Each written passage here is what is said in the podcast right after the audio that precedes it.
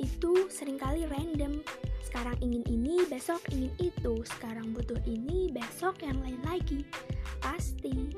Seperti kehidupan, podcast ini akan menyajikan hal-hal yang random.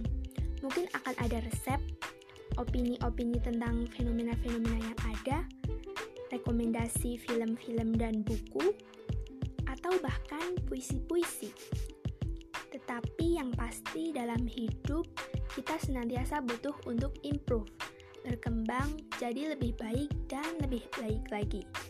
Maka dari itu, Mari kita bersama-sama terus mengembangkan diri agar jadi lebih baik lagi bersama Distinct Voice. Yeay, simak terus ya.